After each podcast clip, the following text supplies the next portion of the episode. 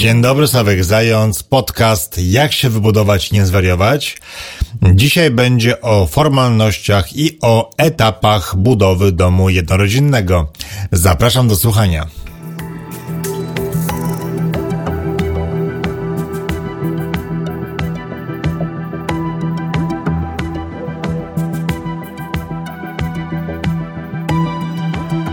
Zakładam, że masz już działkę, no i zastanawiasz się, jakie kolejne kroki cię czekają, aby móc zamieszkać w swoim wybudowanym domu. E, no i zacznę od kilku rad. Przede wszystkim nie martw się liczbą formalności. E, w zależności od tego, jaką masz działkę, w jakiej gminie nawet mieszkasz, tych formalności może być trochę więcej lub trochę mniej, ale nie ma co się przejmować. E, myślę, że po prostu załatwienie formalności jest trochę takie mm, zero-jedynkowe. No, albo coś się uda załatwić, albo nie. I trudno tutaj o błędy. Trzeba się trochę nachodzić, e, pojeździć po urzędach, wypełnić parę wniosków, ale to jest do zrobienia i jest to e, proste. I wiem, że to jest proste i patrzę na to z perspektywy osoby, która już swój dom wybudowała. Na dalszych etapach budowy było zdecydowanie więcej problemów. Jeżeli natomiast, jeżeli obawiasz się tej formalności, nie chcesz tego robić lub nie masz czasu, to zatrudnij kogoś do tej pracy, na przykład projektanta. Wielu projektantów może za ciebie wszystko zorganizować, załatwi wszystko w urzędach i będziesz miał po prostu jeden obowiązek mniej na głowie. Rozważ to, może rzeczywiście warto. E, druga sprawa, urzędnicy są zwykle pomocni. E, naprawdę, w wielu gminach, w wielu urzędach pracują ludzie po kilkanaście lat albo i dłużej, znają doskonale wszystkie sprawy dotyczące budowy domu i formalności. To są osoby pomocne, mm, które posłużą Ci dobrą radą, więc e, jak czegoś nie wiesz, to dzwoń do urzędu, pytaj, e, zagaduj, a będzie wszystko dobrze. Jasne, że są też urzędnicy, którzy no, mają gorszy dzień e, lub są trochę mniej przyjemni, ale wtedy dzwoń do kogoś innego. Na pewno uzyskasz dobrą e, i przydatną pomoc. Tak więc tutaj trochę chciałbym optymizmu mm, nieco wnieść do tego podcastu. Trzecią sprawą jest to, że w podcaście nie będę podawał konkretnych terminów załatwienia niektórych spraw. Na przykład nie powiem, ile czeka się na mapę dozoru projektowych, e, dlatego że to po prostu zależy. Zależy trochę od gminy, zależy od geodety, Chyba z większością spraw jest tak, że to wszystko zależy, tak? W jednej gminie na pozwolenie na budowę będziesz czekał ileś tam dni, a w innej gminie dwa razy dłużej. W związku z tym nie będę się wygłupiał, nie będę e, zgadywał. Wiem, że są serwisy, które pokazują dzień po dniu właściwie ile twoja budowa będzie trwała, ale to są po prostu bzdury. E, po prostu trzeba się uzbroić w trochę cierpliwości i załatwiać wszystko to, co należy załatwić w swoim tempie.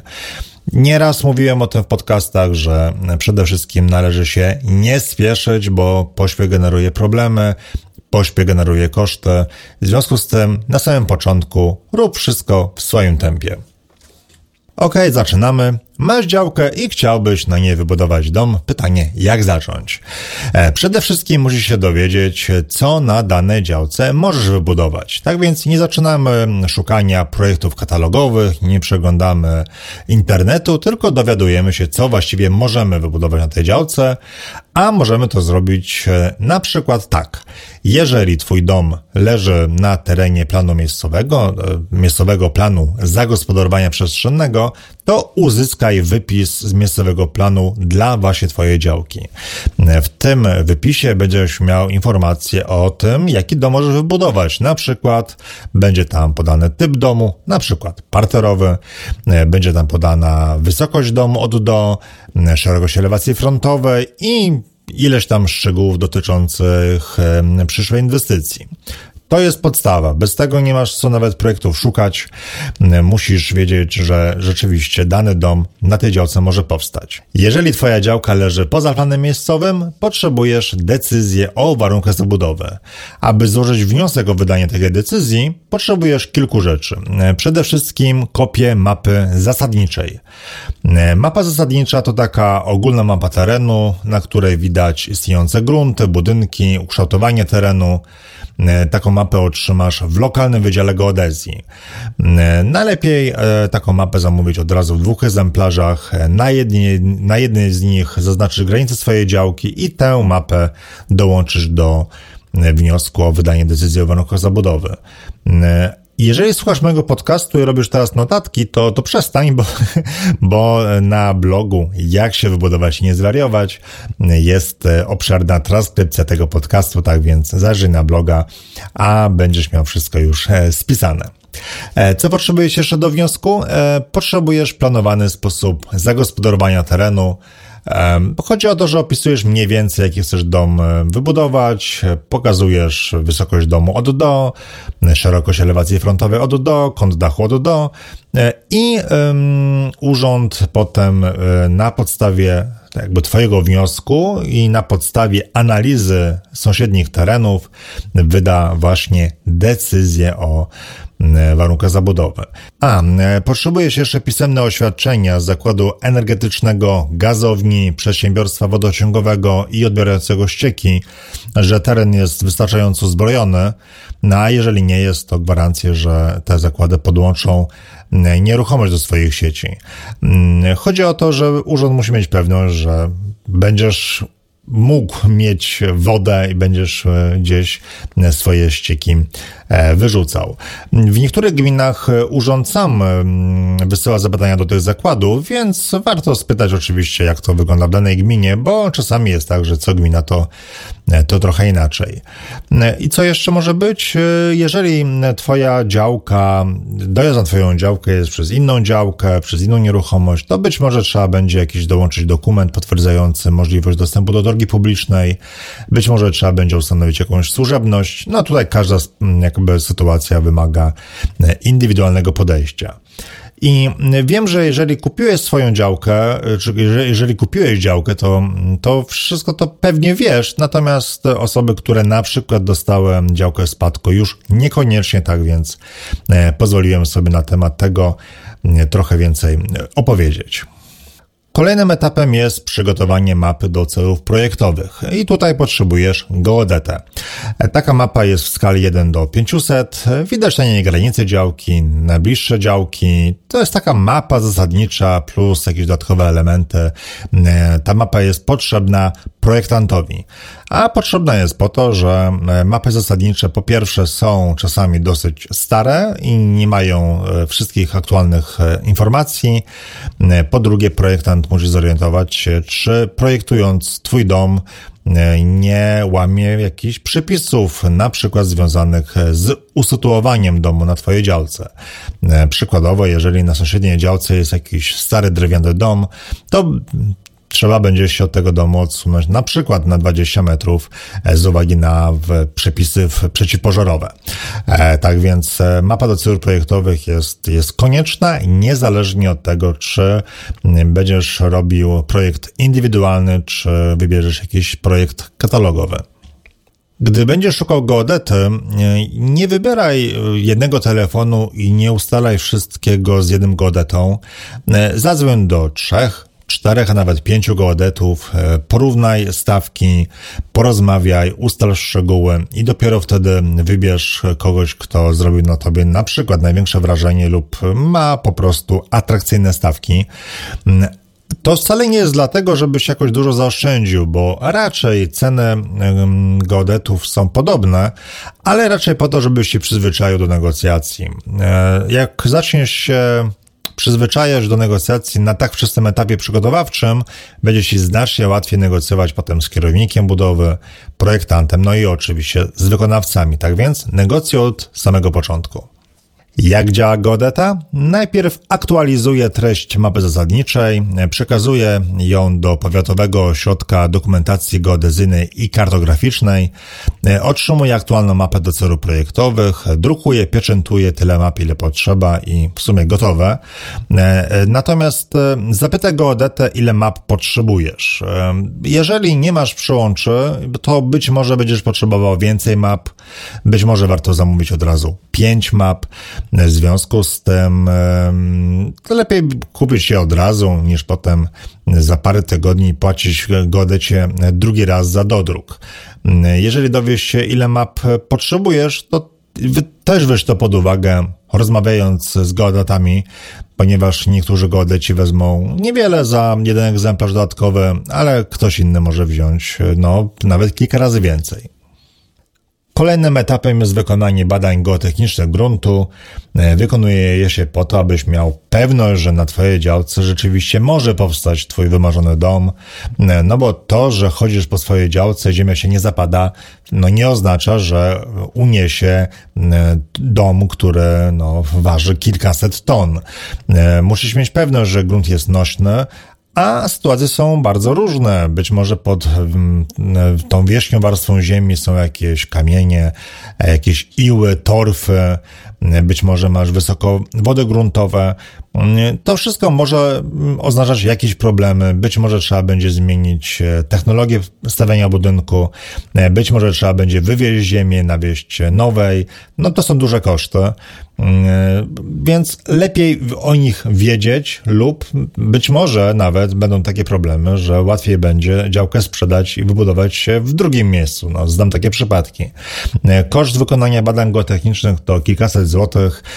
Polega to na tym, że przyjeżdża ekipa, robi trzy odwierty na twojej działce w miejscu, gdzie będzie stał twój dom, no i potem patrzą, jaki jest przekrój gleby i co z tego wynika.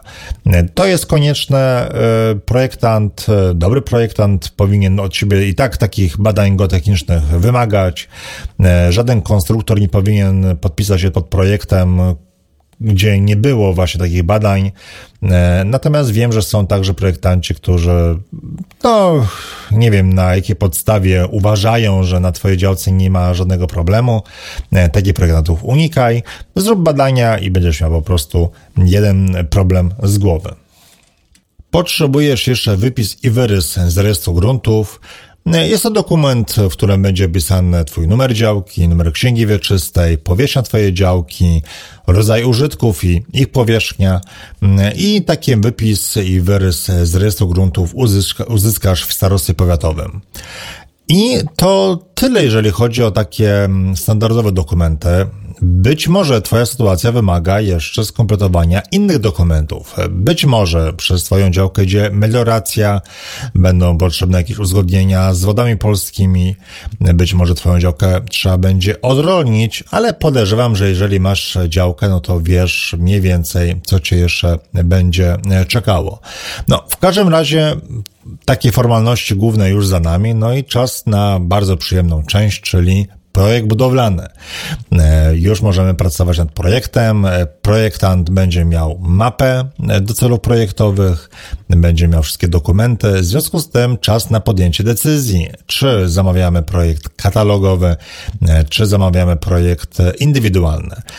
O tym, jaki projekt wybrać, mówiłem bardzo szeroko w podcaście numer dwa, tak więc jeżeli się jeszcze wahasz, no to zapraszam do słuchania. W wielkim skrócie, w bardzo wielkim skrócie oczywiście mm, e, powiem, że e, decyzja jest trudna, projektów katalogowych jest całe mnóstwo. One są oczywiście zawsze śliczne na tych stronach internetowych z projektami, ale nie warto się na to nabierać. Ważne jest tam, aby dom był funkcjonalny, a nie ładnie się prezentował na grafikach. E, druga sprawa jest to taka, żeby e, pamiętać o tym, że sam projekt katalogowy nie jest projektem budowlanym, aby stał się projektem budowlanym, trzeba go zaadaptować. No i może się okazać, że koszt projektu katalogowego plus jego adaptacji szczególnie jeżeli chcesz w tym projekcie nanieść sporo zmian, może nawet zbliżyć się do projektu e, indywidualnego, więc w takim e, przypadku nie ma co e, kupować projektu, który nam się nie podoba i potem płacić za jego zmienianie, zamiast od razu uszyć projekt gotowy na miarę. Ale tak mówię to tylko w skrócie. Jeżeli się wahasz, posłuchaj mojego podcastu na ten temat. Podczas prac nad projektem budowlanym lub nawet wcześniej e, możesz już szukać kierownika budowy. E, pamiętaj, że kierownik budowy to jest twój sojusznik, tak? To jest osoba, która będzie się wspierała podczas całej budowy. E, to nie jest osoba, która jest po to tylko, żeby coś wpisała do dziennika budowy i, i tyle. Nie, nie, to jest osoba, którą będziesz pytał, męczył, e, będziesz miał jakieś wątpliwości, no to masz właśnie jego, e, żeby te wątpliwości rozwiała. Tak więc nie szukaj taniego kierownika budowy, ale takiego, który będzie służył dobrą radą i takiego, który będzie na budowie nawet co kilka dni. E, w tak zwanym znowu międzyczasie możesz szukać firmy wykonawczej. Ogólnie myślę, że ten etap e, decyzji jest dość trudny, no bo tak, musisz podjąć decyzję o projekcie, co już samo w sobie zabierze ci parę miesięcy. Musisz podjąć decyzję, czy się budujesz systemem zleconym, czyli sam będziesz wybierał ekipę, e, czy wybierzesz na przykład e, generalnego wykonawcę. Musisz zadecydować, czy będziesz sam kupował materiały budowlane, czy też nie to są trudne rzeczy, tak? Te formalności to jest rzecz prosta. Trzeba gdzieś pojechać, trzeba coś załatwić zrobione. Natomiast podjęcie decyzji na temat tego, kto buduje, jak buduje i tak dalej, to jest trudne. Jeżeli spieszysz się z budową, to z wykonawcami warto rozmawiać dosyć wcześniej. Jeżeli masz już na oku jakiś projekt katalogowy, to pokaż to wykonawcy. Jeżeli pracujesz nad projektem indywidualnym, pokaż wykonawcy projekt koncepcyjny, a e, już pozwoli to wybrać dwóch, trzech wykonawców, na przykład spośród kilkunastu. I z tymi wykonawcami, których wstępnie wybierzesz, będziesz rozmawiał, jak już będziesz miał, miał konkretny projekt budowlany i wtedy podejmiesz decyzję, którego z nich e, wybierzesz. OK, masz kierownika budowy, masz wykonawcę, masz projekt budowlany, no i jeszcze musisz uzyskać pozwolenie na budowę. Mm, w tym celu gotowy projekt budowlany i tam inne dokumenty, które są potrzebne do pozwolenia na budowę, składasz w starostwie powiatowym. I znowu, jeżeli nie chcesz tego dokumentów gromadzić, no to poproś projektanta o pomoc. No i dopiero teraz, kiedy masz pozwolenie na budowę, możesz zacząć robić coś na Twojej działce. Tutaj przestrzegam przed tym, żeby nie wykonywać żadnych prac przed uzyskaniem pozwolenia na budowę. Nie ma co sobie tutaj upraszczać, wiele nie uzyskasz, a możesz wiele stracić, jeżeli ktoś doniesie na Ciebie, że na Twojej działce jest koparka i zdemuje humus, to jeżeli nie masz pozwolenia na budowę, ktoś może przyjechać i ci wlepić karę. Tak więc e, czekaj cierpliwie na pozwolenie na budowę, nie spiesz się. Jeżeli jeszcze nie masz działki, to wejdź na stronę jaksiewybudować.pl. E, znajdziesz tam mój kurs online, w którym przeprowadzam krok po kroku przez wszystkie etapy potrzebne do zakupu działki i przygotowań do budowy. Z mego kursu dowiesz się, w jaki sposób wybrać działkę, na co zwracać uwagę, dowiesz się, jak wynegocjować dobrą cenę i przeprowadzać się przez cały proces zakupu. Do tego w materiałach bonusowych dowiesz się także o tym, jak wybrać projektanta, wykonawców, kierownika budowy, no i jak rozpocząć budowę bez zbędnego stresu. A teraz e, koniec reklamy i kolejne etapy budowy domu jednorodzinnego.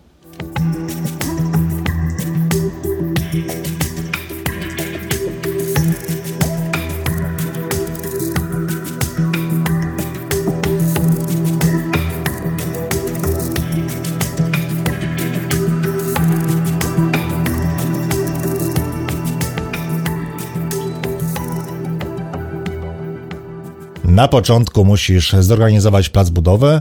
W tym pomoże Ci oczywiście kierownik budowy i wykonawca. Chodzi o to, że masz całą działkę, natomiast nie na całej działce muszą się toczyć roboty budowlane, więc w pierwszym kroku oddziel miejsce, gdzie będzie się coś działo, od miejsca, gdzie nikt nie ma dostępu. A to po to, żeby nie zeptali ci trawy, nie było tam zdeptanej ziemi, Po prostu pewne miejsce, zakaz wstępu i koniec. W ogóle dobrze już na samym początku budowy e, posiać trawę, może jakieś drzewka małe posadzić, jakieś, jakiś ogródek zrobić, e, to po to, że za dwa lata, e, kiedy będziesz się już do swojego domu wprowadzał, no to już będziesz miał część ogrodu zrobioną. To jest świetna sprawa. Jeżeli zaczniesz dopiero robić ogród za dwa lata, no to wiadomo, straciłeś dwa lata, tak? Więc pierwsza rzecz, oddziel miejsca, gdzie nikt nie ma wstępu. Następnie trzeba wydzielić miejsce na składowanie materiałów budowlanych, na to, gdzie będą przyjeżdżały materiały, gdzie będą samochody zawracały. Wydziel jakiś taki mały parking, gdzie ty, twoja rodzina czy wykonawcy będą parkować swoje samochody. Znajdź albo wydziel miejsce, gdzie będą składowane śmieci. Ogólnie daj wykonawcom bardzo, bardzo dużo worków na śmiecie. Może jakiś kontener rozważ. No, to syfi się niesamowicie na, na budowie, więc lepiej ten porządek utrzymywać na bieżąco. E, być może trzeba będzie jakiś barak budowlany do wykonawców zorganizować, e, ubikację. No, im więcej będziesz rozmawiał z wykonawcami i kierownikiem budowy, tym, e, tym lepiej.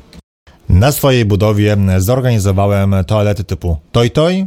Uważam i uważałem, że jest to trochę bardziej higieniczne, wygodne niż, niż toaleta zbita z desek. No i wiem, że zwykle na budowach są właśnie takie toalety zbite z desek, natomiast e, uważam, że należy się osobom, które budują twój dom trochę, należy się trochę więcej komfortu.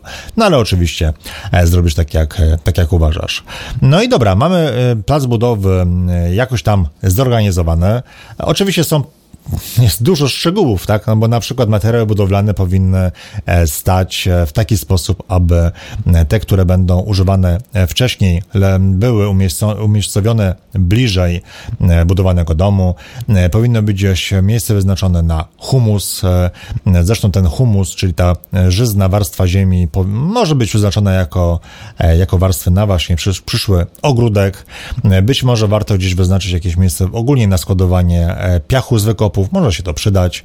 E, gdzieś powinno być e, przewidziane miejsce na to, że jak przyjdzie betoniarka e, z pompą, to też gdzieś powinna mieć możliwość manewrowania. No ale mówię, no to jest podcast, więc siłą rzeczy nie jestem tego w stanie dokładnie określić. Natomiast rozmawiaj, rozmawiaj i rozmawiaj. Ok, mamy prace przygotowawcze, organizacyjne za sobą. Czas na stan zerowy. Stan zerowy, czyli fundamenty. E, fundamenty mogą być lane, może być płyta fundamentowa. Wszystko masz w projekcie budowlanym. Jeżeli projektu jeszcze nie masz, a masz wątpliwości, nie wiesz jaką technologię wybrać, to porozmawiaj o tym z projektantem. E, w momencie, kiedy już rozpoczynasz pracę, to wykonawca wykonuje pracę zgodnie z projektem budowlanym. I z tego powodu nie będę opisywał dokładnie wszystkich kroków, bo każdy budowa jest inna, ale kilka takich, takich małych rad. Przede wszystkim, jeżeli chodzi o sam początek, polecam najpierw zdjąć humus, tam gdzie będzie się w miejscu, gdzie będzie się znajdował budynek, a następnie wezwać geodetę, aby wytyczył obrys budynku. E, dlaczego? Dlatego, że jeżeli najpierw zawołasz geodetę, a potem będziesz zajmował humus, to jest jakieś ryzyko, że e, ktoś poprzestawia paliki, coś się może uszkodzić, no więc po co wzywać geodetę drugi raz i mu płacić dodatkowe pieniądze. E, tak więc lepiej e, sobie mniej więcej budynek e, obrysować samodzielnie nawet za pomocą miarki, dać po metr dwa z każdej strony ekstra, zdjąć humus i potem dopiero wytyczyć budynek. Następnie są wykonywane kolejne etapy fundamentu, przejścia dla instalacji, dla kanalizacji. Jest, jeżeli jesteś ciekawy, w jaki sposób można e, ten etap wykonać, zapraszam na mojego bloga e, do cyklu artykułów Budowa domu krok po kroku. Tam e, no, bardzo szczegółowo opisuję każdy z etapów budowy i udzielam wielu wskazówek na to, jak nie popełnić takich najczęstszych błędów e, na tak ważnym etapie, jakim są e, fundamenty. Jakość wykonania fundamentów musi być właściwie perfekcyjna. E, tutaj nie można sobie pozwolić na, na, na błędy. E, fundamenty muszą być dobrze zaizolowane przed wodą i wilgocią. E, nie wolno tego etapu zaniedbać. Dlatego tak często zwracam uwagę na to, że musisz mieć profesjonalistę, rzetelnego kierownika budowy, który dopilnuje tego i innych etapów. Każdy błąd na etapie fundamentów może skutkować jakimiś problemami za kilka, kilkanaście lub nawet kilkadziesiąt lat. E, pękający tynk, pękające ściany, wilgoć w garażu, wychodzący grzyb, tego wszystkiego można uniknąć właśnie starannie wykonując fundamenty.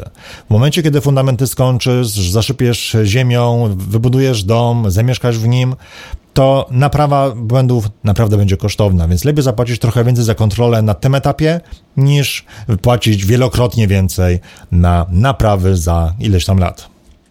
Po zakończeniu prac nad fundamentami e, idziemy w stronę stanu surowego otwartego. E, stan surowy otwarty to ściany nośne, działowe, e, kominy, wykonanie stropu, ewentualnie wykonanie schodów, jeżeli, jeżeli są w budynku. Jest to więźba, jest to pokrycie dachu. Czyli to są wszystkie takie elementy, które powodują, że dom stanowi pewną zamkniętą całość. Z tą różnicą, że w stanie surowym otwartym nie ma jeszcze drzwi i okien i bramy garażowej. I powiem, że stan surowy otwarty, ta budowa do stanu surowego otwartego jest bardzo przyjemna, bo mury rosną w oczach. To się dzieje z dnia na dzień, aż człowiek się cieszy. W przypadku fundamentów jest, przynajmniej w moim przypadku było bardzo dziwnie, bo no, mój dom ma powierzchni całkowitej 200 m2. No dosyć dużo tak po, po podłodze. No ale jak były fundamenty gotowe, jak wszedłem na ten, na ten fundament, to wydawało mi się to takie strasznie małe, tak? E, jakoś sobie tam obrysowałem na przykład łazienkę, zrobiłem trzy kroki i już, już było po łazience. Jakoś tak się wydawało, że Boże jedyny budujemy za mały dom. Co my zrobiliśmy? E, natomiast potem był etap właśnie budowy stanu surowego otwartego, e, mury szły do góry, no i wtedy poczuliśmy z żoną, że no jednak do, do, dobrze robimy, wszystko idzie zgodnie z planem. Wtedy dopiero poczuliśmy, że rzeczywiście tworzymy, tworzymy dom. Natomiast mimo wszystko wszystko przy stanie surowym jeszcze te pomieszczenia są ciut mniejsze niż są na późniejszych etapach. To znaczy, że e, po wykonaniu tynków, wylewek, po w ogóle po, po, po wszystkich pomieszczeń, dopiero to wszystko nabiera kształtu. Tak więc, jeżeli jesteś na etapie stanu surowego i wydaje ci się, że pomieszczenia są ciut za małe, nie przejmuj się, wszystko jest tak, jak być powinno. Te pomieszczenia w cudzysłowie powiększą się za kilka miesięcy, kiedy będą już gotowe e, do wykończeniówki. Kolejnym etapem jest e, doprowadzenie budowy do stanu surowego zamkniętego. Jest to stan surowy otwarty, plus okna, plus drzwi zewnętrzne, e, plus ewentualnie brama garażowa. E, I dostaję od Was czasami pytanie w sprawie przerw technologicznych, kiedy można przerwać pracę na zimę. I tak naprawdę zawsze, to znaczy wszystko wymaga oczywiście konsultacji z kierownikiem budowy i wykonawcą e, i to konsultacji znacznie wcześniej niż rozpocząłeś prace e, e, budowlane, ale informacyjnie można zrobić tak, że kończysz fundamenty jesienią, rozpoczynasz pracę nad stanem surowym otwartym wiosną, możesz zakończyć pracę jesienią nad stanem surowym otwartym, a rozpocząć wiosną stan surowy zamknięty. Wszystko jest możliwe. Niektóre przerwy wymagają pewnych działań, na przykład jeżeli chcesz zatrzymać się jesienią nad, e, ze stanem surowym otwartym, no to na zimę powinieneś zabezpieczyć okna, drzwi deskami lub folią. Tak więc no, porozmawiaj z kierownikiem budowy i wykonawcami, aby ustalić e, w jakich miesiącach będą toczyły się prace, jak, tak, jak zrobić, żeby było, e, żeby było dobrze. Taka rada mała ode mnie. Jeżeli planujesz przerwanie budowy po etapie stanu surowego zamkniętego, to rozważ instalację e, alarmową. E, to dlatego, że dom, który stoi pusty przez kilka miesięcy, kusi złodziei. No i szkoda byłoby okien za kilkadziesiąt tysięcy złotych, tak więc e, inwestycja w system alarmowy chyba jest nawet niezbędna. Lepiej nie kusić losu. Ok, jakie są kolejne etapy? No mamy stan surowy zamknięty, mamy cały budynek zamknięty, okna, drzwi, brama garażowa. Czas na hydraulikę, a potem na elektrykę. Hydraulika robi się najpierw głównie dlatego, że łatwiej obejść e, przewodami e, rury niż rurami kable, więc najpierw robimy e, hydraulikę, a potem wzywamy elektryka.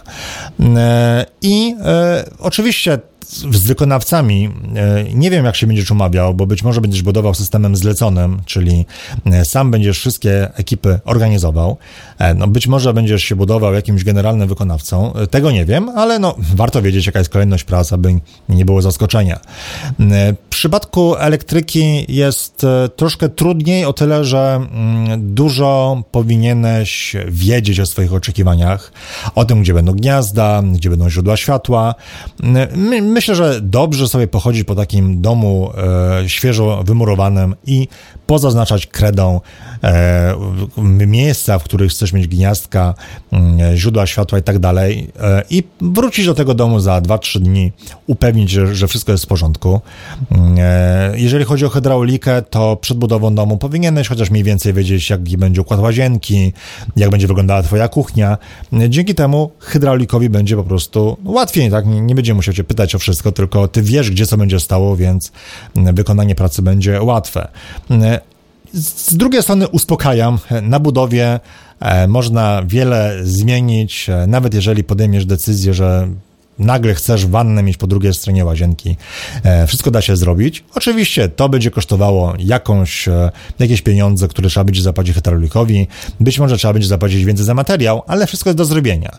Natomiast ja uważam, że lepiej naprawdę bardzo dużo czasu mm, mm, poświęcić na odpowiednie przygotowanie do budowy, na rozpisanie wszystkich swoich oczekiwań, e, po to, aby budowa szła bez stresu, tak? No bo przecież chodzi o to, aby wybudować się i nie zwariować. E, I tutaj bardzo polecam, jeżeli jeszcze nie widziałeś, mój najbardziej poczytny artykuł na blogu, e, który brzmi, co byś zrobił, gdybyś budował się drugi raz.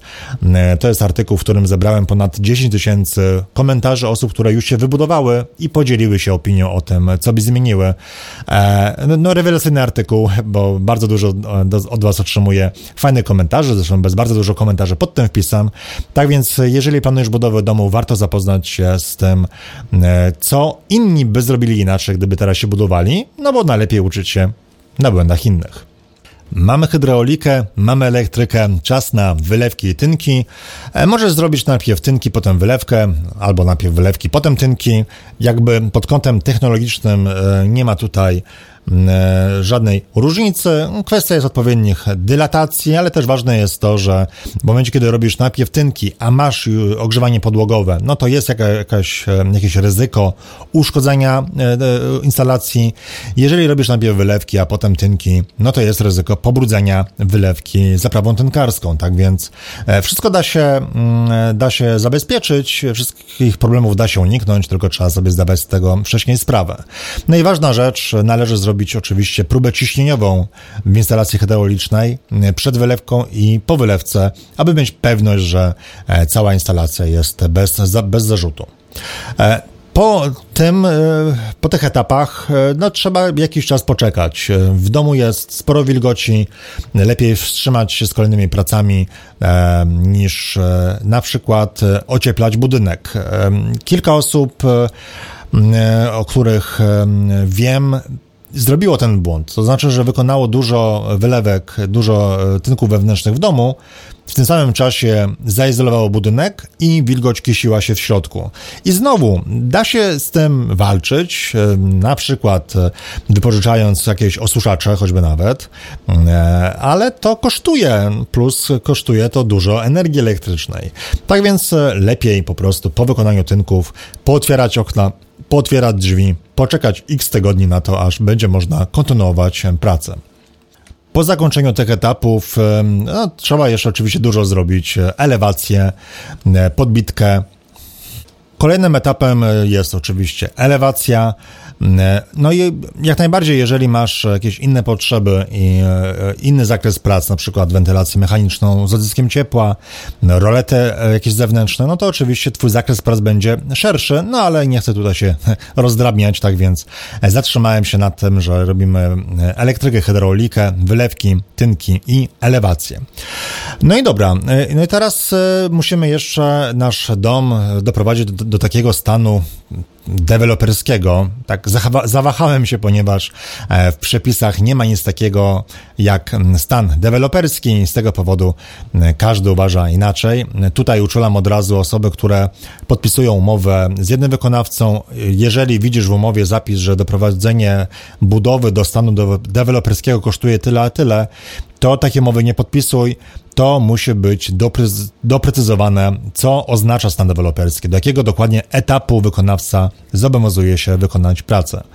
No, e, więc w naszym wypadku e, ten stan taki deweloperski e, oznaczać będzie na przykład wykonanie jeszcze drzwi wewnętrznych w całym budynku, montaż podłóg w całym, w całym budynku, parapetów wewnętrznych, no czyli takie przygotowanie budynku pod, pod wykończenie.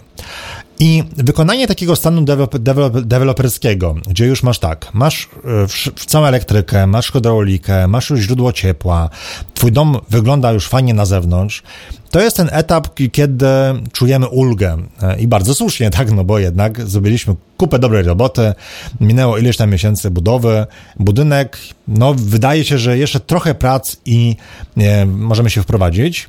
I nie chciałbym tutaj wprowadzać jakiegoś tam pesymizmu, natomiast e, niestety wiele osób nie docenia tego, jak ciężka jest wykończeniówka. Te wszystkie prace wykończeniowe, czyli związane z wykończeniem łazienki, WC, wszystkie zakupy związane z armaturą i meblami, e, różne robienie sufitów podwieszanych, e, montaże różnych rzeczy, gniazdek, malowanie i tak.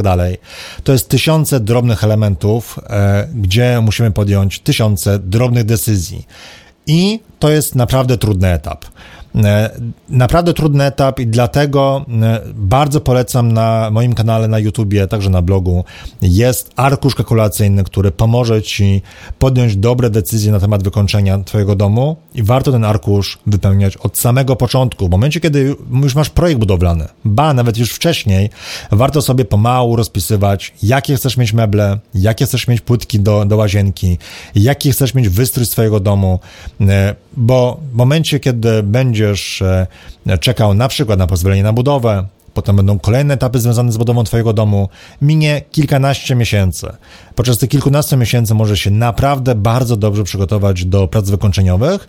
Tak dobrze, że w momencie, kiedy będzie się kończył stan deweloperski, to już większość zakupów będziesz miał albo za sobą, albo będziesz wiedział dokładnie, co chcesz kupić i co chcesz mieć.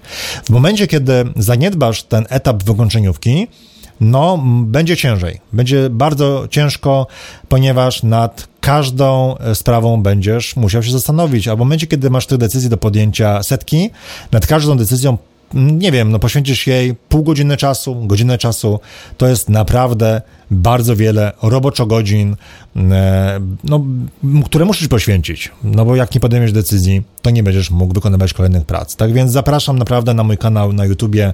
E, jeżeli e, weź na mojego bloga, to na, na dole będziesz miał link do tego kanału, do tego filmu i do tego arkusza. Zacznij ten arkusz wypełniać już teraz, bo jeszcze raz o tym powiem, wykończeniówka jest naprawdę jakoś niedoceniana.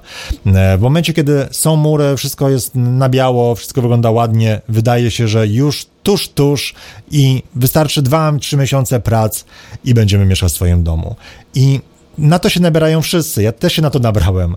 E, moi znajomi, którzy niektórzy naprawdę wykonali w swoim życiu sporo remontów, też się nabrali i nie docenili, że co innego jest wykonywać remont u kogoś, kiedy ten ktoś, inwestor musi podejmować decyzję, więc jakby osobie, która remontuje jest trochę łatwiej, a zupełnie czymś innym jest to, że jeżeli remontujesz, wykańczasz swój dom, kiedy ty, podejmujesz tę decyzję.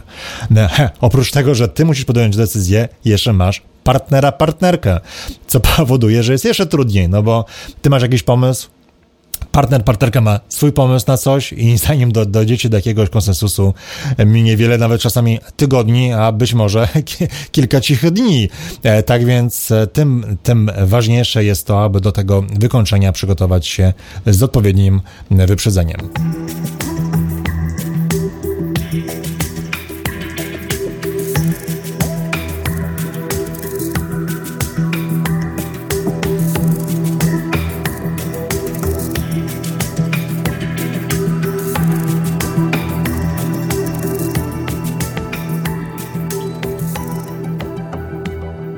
Kolejność prac wykończeniowych jest właściwie dowolna. E, zastanów się, czy są jakieś prace, które chcesz wykonać samodzielnie, na przykład pomalować całe mieszkanie. E, być może jakieś pomieszczenia wykończysz w drugiej kolejności, już po wprowadzce. No te decyzje trzeba oczywiście podjąć odpowiednio wcześnie. Natomiast jeżeli chodzi o samą kolejność, no to jest, jest dowolność. E, myślę, że warto zacząć od po prostu od łazienek, od WC, wykonać glazurę, wykonać terakotę, skończyć wszystkie podłogi w całym domu, e, wykonać, e, no o drzwiach mówiłem, ale jakieś listy przypodłogowe, być może jakieś listwy przysufitowe, pomalować to mieszkanie e, dwa razy albo i trzy razy, zamontować wszystkie gniazdka, no i tak dalej, i tak dalej to wydaje się, mówię, to wydaje się, że tego nie jest dużo, ale diabeł tkwi w szczegółach. No i kolejne, kolejne prace, albo w międzyczasie trzeba kupować wszystkie meble, montować, skręcać e, i pomału wykańczać swoje mieszkanie, aż, aż się zmęczyłem, jak zacząłem o tym mówić, bo pamiętam do tej pory, e, że etap wykończenia ciągnął się po prostu. I chyba każdemu się ciągnie, bo e, co rozmawiam z moimi czytelnikami, z wami, e, czy z moimi znajomymi, to wszyscy mają bardzo podobne odczucia. W momencie, kiedy budowali dom i był e, stan surowy otwarty, to ta budowa szła bardzo szybko, a podczas wykończenia tak jakby czas stanął w miejscu. To tak się wszystko bardzo wlekło. Tak więc no, przygotuj się dobrze do wykończenia, aby samemu się nie, nie wykończyć. No i co jeszcze? Parapetówka oczywiście, tak, no parapetówka jest bardzo ważna, przecież chodzi o to, aby, aby opić, aby być zadowolonym e, ze swojego domu, e, no bo o to chodzi, tak, budowa nie ma być stresująca, budowa ma być pewnego rodzaju, jak się da, oczywiście przygodą życia, e, ale też z drugiej strony nie, możemy spowodować, żeby budowa przysłoniła nam całe nasze życie. Nie może być tak, że na budowie i myślimy o budowie cały czas, 24 godziny na dobę, bo po prostu zwariujemy. E, potrzebujemy raz na jakiś czas odpocząć od budowy, potrzebujemy trochę odetchnąć. E, z moich rad, którą taką radę zawarłem w mojej książce, jak się wybudować i nie zwariować, nawet poświęciłem jej cały rozdział, aczkolwiek krótki.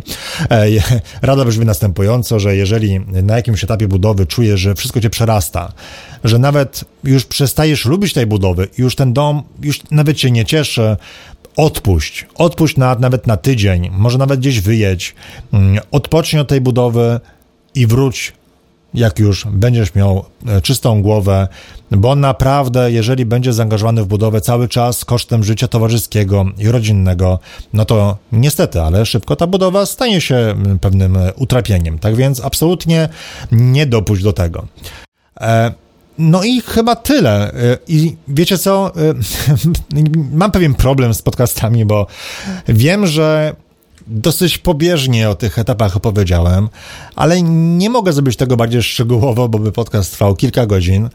E, mam gdzieś e, z tyłu głowy e, taki pomysł, żeby to kiedyś naprawdę bardzo szczegółowo opisać, ale z drugiej strony każda budowa jest inna masz projekt budowlany, masz projektanta, masz kierownika budowy, masz wykonawców właśnie po to, aby oni cię dobrze przez tą budowę przeprowadzili. Dlatego w mojej książce na, na moim blogu tak duży nacisk kładę na to, aby wybrać tych najlepszych wykonawców.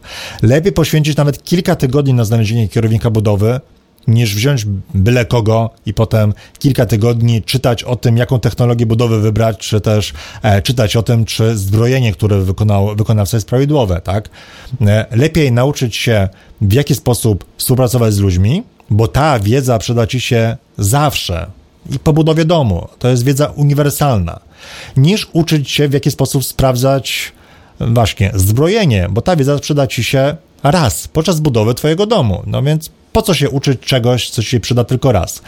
E, lepiej nauczyć się jakichś rzeczy uniwersalnych i dlatego tak, tak bardzo naciskam na to, aby nauczyć się współpracować z wykonawcami, i nauczyć się wybierać odpowiednich osób, które, z którymi będziesz współpracował.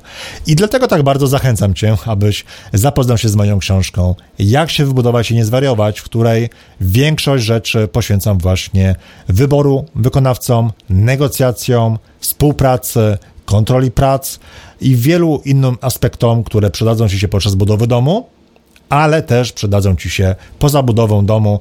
E, najfajniejsze komentarze, które od Was dostają, dotyczą e, tego, że książka jest uniwersalna, że wiele rad w tej książce przydają się na przykład komuś w życiu zawodowym, e, pozabudowlanym. Tak więc to w ogóle wielkie dzięki za wszystkie mi, miłe opinie i recenzje.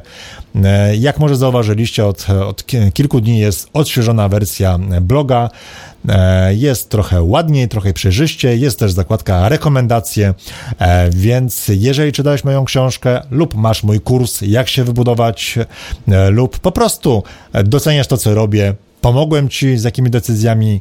Będę bardzo wdzięczny, jeżeli napiszesz kilka słów o tym. Jeżeli będę mógł Twoją opinię, Twój komentarz umieścić na tej podstronie właśnie z referencjami, to będzie mi po prostu bardzo miło. Dawaj znać, mój adres mailowy to sławek poradnik budowlany.com lub po prostu zostaw komentarz na blogu, na przykład pod tym podcastem.